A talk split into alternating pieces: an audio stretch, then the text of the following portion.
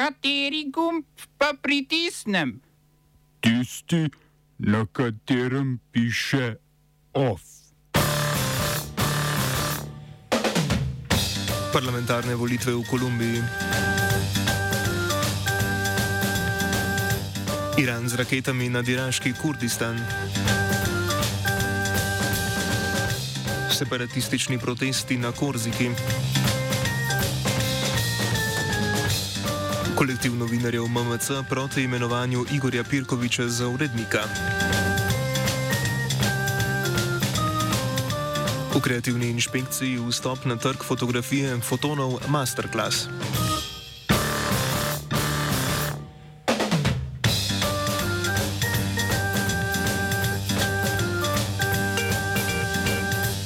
Dobr dan. Ruske sile nadaljujejo z okrepljenim bombardiranjem več mest v Ukrajini. Včeraj je ruska vojska izvedla več letalskih napadov na ukrajinsko vojaško oporišče v bližini mesta Lvov, ki ga za usposabljanje ukrajinskih vojakov uporablja tudi Zveza NATO. Medtem se ruska vojska vse bolj bliža obkolitvi ukrajinske prestolnice Kijev, zaradi česar so kijevske mestne oblasti pričele z vrčevanjem najnujnejših živil v primeru, da bi ruske sile zaprle dostop do mesta. Distribucija dobrin in promet do Kijeva zaenkrat še potekata razmeroma nemoteno. Po nekaterih podatkih so ruske pomorske sile onemogočile pomorski promet v Ukrajino. Danes se je po video povezavi sicer pričel četrti krok pogajanj. Po besedah urada ukrajinskega predsednika Volodimirja Zelenskega naj bi bila ruska stran bolj pripravljena na, dogovor kot v začetnih pogajalskih postopkih. Dogovor o humanitarnih koridorjih za begunce, ki je bil dosežen v tretjem krogu pogajanj, je Rusija namreč dosledno spoštovala.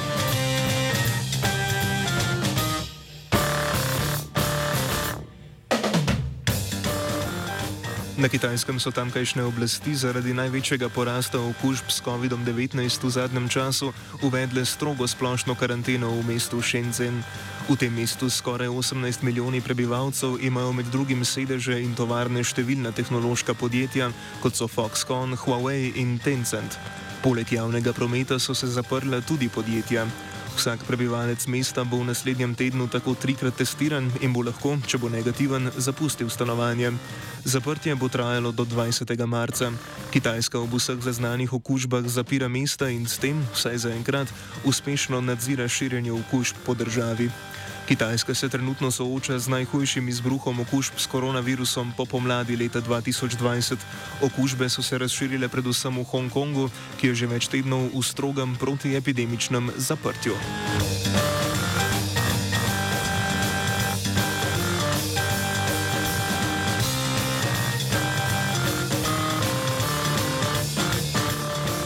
V Kolumbiji so v nedeljo potekale parlamentarne volitve.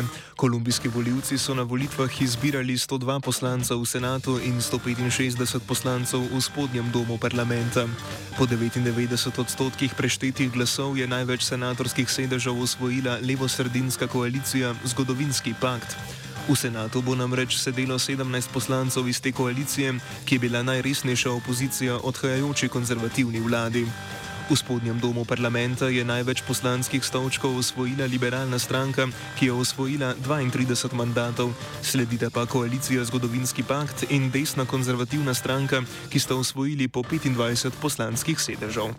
Usporedno s parlamentarnimi volitvami so Kolumbici na primarnih volitvah odločali tudi o najprimernejših strankarskih kandidatih za majske predsedniške volitve.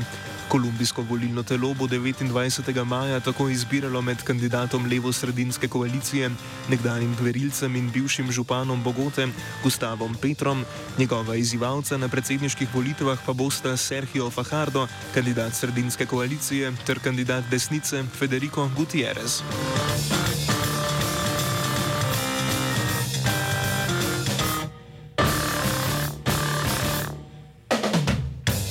Iranska revolucionarna garda je prevzela odgovornost za napade z balističnimi raketami v mestu Erbil, prestolnici severnoiraške polavtonomne pokrajine Kurdistan.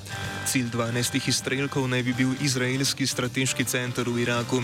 Izrael je prejšnji teden v Siriji izvedel letalski napad, v katerem sta bila ubita vsaj dva pripadnika iranske revolucionarne vojske, za kar je Teheran obljubil povračilne ukrepe. Rakete, ki so povzročile zgolj materialno škodo, so med drugim zadele tudi ameriški konzulat. Iranski izstrelki so tako prvič po januarju 2020 zadeli objekt v lasti ZDA. Na geopolitičnem polju zelo aktivni Iran je sicer ta teden prekinil do zdaj skrivne pogovore s Saudsko Arabijo, ki jih je vodil zadnji dve leti. Diplomatske odnose sta državi pretrgali leta 2016, potem ko je Saudska sunitska kraljevina usmrtila šiitska verska voditelja.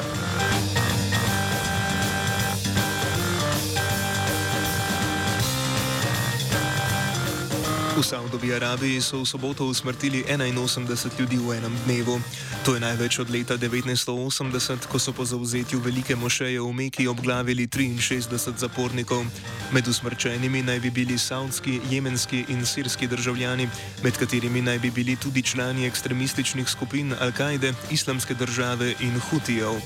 Obtoženi so bili zaradi tihotapljanja orožja in sodelovanja pri planiranju terorističnih napadov. Saudova Arabija tako nadaljuje svoj boj proti terorizmu, kar ji očitno najbolje uspeva prav s prakticiranjem množičnih usmrtitev.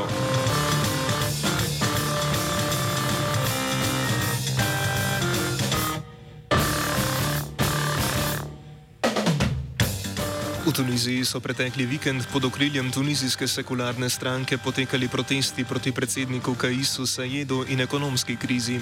Sajed je lani po sporadičnih protestih proti islamski stranki Enhada, ki so trajali od januarja, razpustil parlament. To je v državi, kjer se je leta 2011 začela arabska pomlad in vsaj v zahodni narativi velja za prvo arabsko demokratično republiko, sprožilo hudo politično krizo.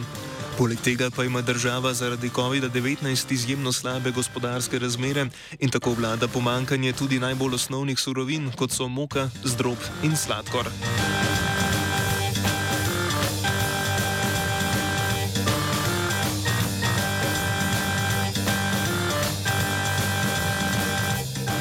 Na severu Korzike, natančneje v mestu Bastija, so včeraj izbruhnili množični protesti zaradi zaporniškega napada na korziškega separatista Ivana Kolono. Ta trenutno preživlja doživljensko zaporno kazen v Tolonu v celinski Franciji. Kolono, ki je bil na zaporno kazen obsojen zaradi umora francoskega prefekta na Korziki, Kloda Erinjaka, naj bi v tolonskem zaporu do nezavesti pretepel sojetnik. Zaradi korziškega separatizma in nezadovoljstva nad francosko nadvlado Korzike so protestniki v Bastiji in drugih mestih na otoku napadli policijske postaje, ker je izvalo spopade med policisti in separatističnimi protestniki. Izgredi z molotovkami, sozivcem in policijskim posredovanjem na Korziki potekajo že od začetka marca, samo včeraj pa je bilo poškodovanih 38 udeleženih na protestih. Korzika je sicer del Francije od leta 1769, etnične in jezikovne razlike med dominantnim francoskim in korziškim prebivalstvom pa vsaj nekaj let spodbudijo zaostrovanje tla, tlečega trenja med separatisti in francoskimi unionisti. Oba, če, če bom odgovoril na angliški. Slovenija will try to help. We can Slovenija will and we will do our utmost To say that the situation is our problem ourselves. and uh, We will make further steps as soon as the conditions are bomo vlado Marjana Cererja, Mira- eh, Marjana Cererja Šarca podprli. uh, very, very serious. we know how and we will. Komisije za preprečevanje korupcije so danes sporočili, da je župan občine Radenci Roman Lenjak z nedovoljenim poskusom vplivanja na zakonito zastopnico določene gospodarske družbe maja 2020 kršil integriteto. Po navedbah komisije naj bi Lenjak skušal pisno in ustno z grožnjami vplivati na delovanje neimenovane gospodarske družbe, da umakne svoje prijave z razpisov občine Radenci. Kljub temu, da njegove grožnje niso bile uresničene, so na KPK-ju mnenja, da je Leljak deloval na nelegalen način. Leljak se na ugotovitve komisije ni pritožil, zato so te pravnomočne.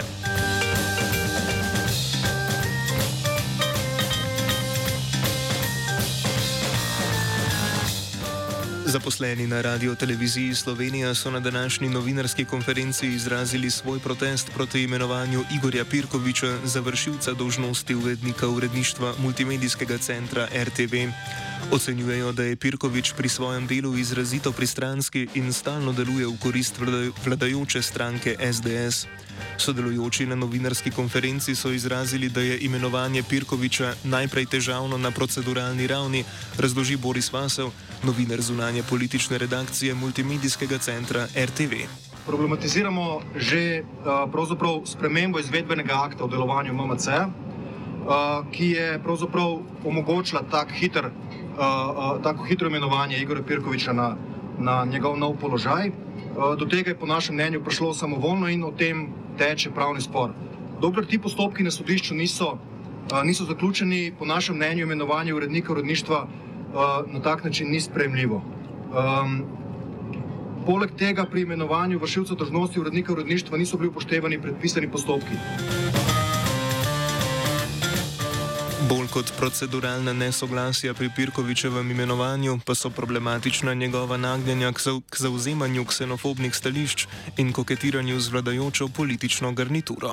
Uh, prva in glavna stvar, ki jo izpostavljamo, je uh, Pirkovičeva izrazita in odkrita naklonjenost določeni trenutno vladajoči politični stranki, um, kar se po naši oceni tudi jasno odraža v njegovem novinarskem delu. Uh, gre za novinarja, za katerega se pravzaprav zdi, da je skoraj institucionalno povezan uh, z omenjeno stranko, uh, glede na njegova redna in številna um, sodelovanja na strankinih dogodkih in dogodkih stranko povezanih organizacij. Na zadnje, recimo ravno prejšnji teden, uh, ko je sodeloval na dogodku s predsednikom Mariborskega podmladka SDS. -a. Ta seznam njegovega sodelovanja s to stranko je pravzaprav neverjetno dolg. Ovsta pripravila vajenec Fin in Matija.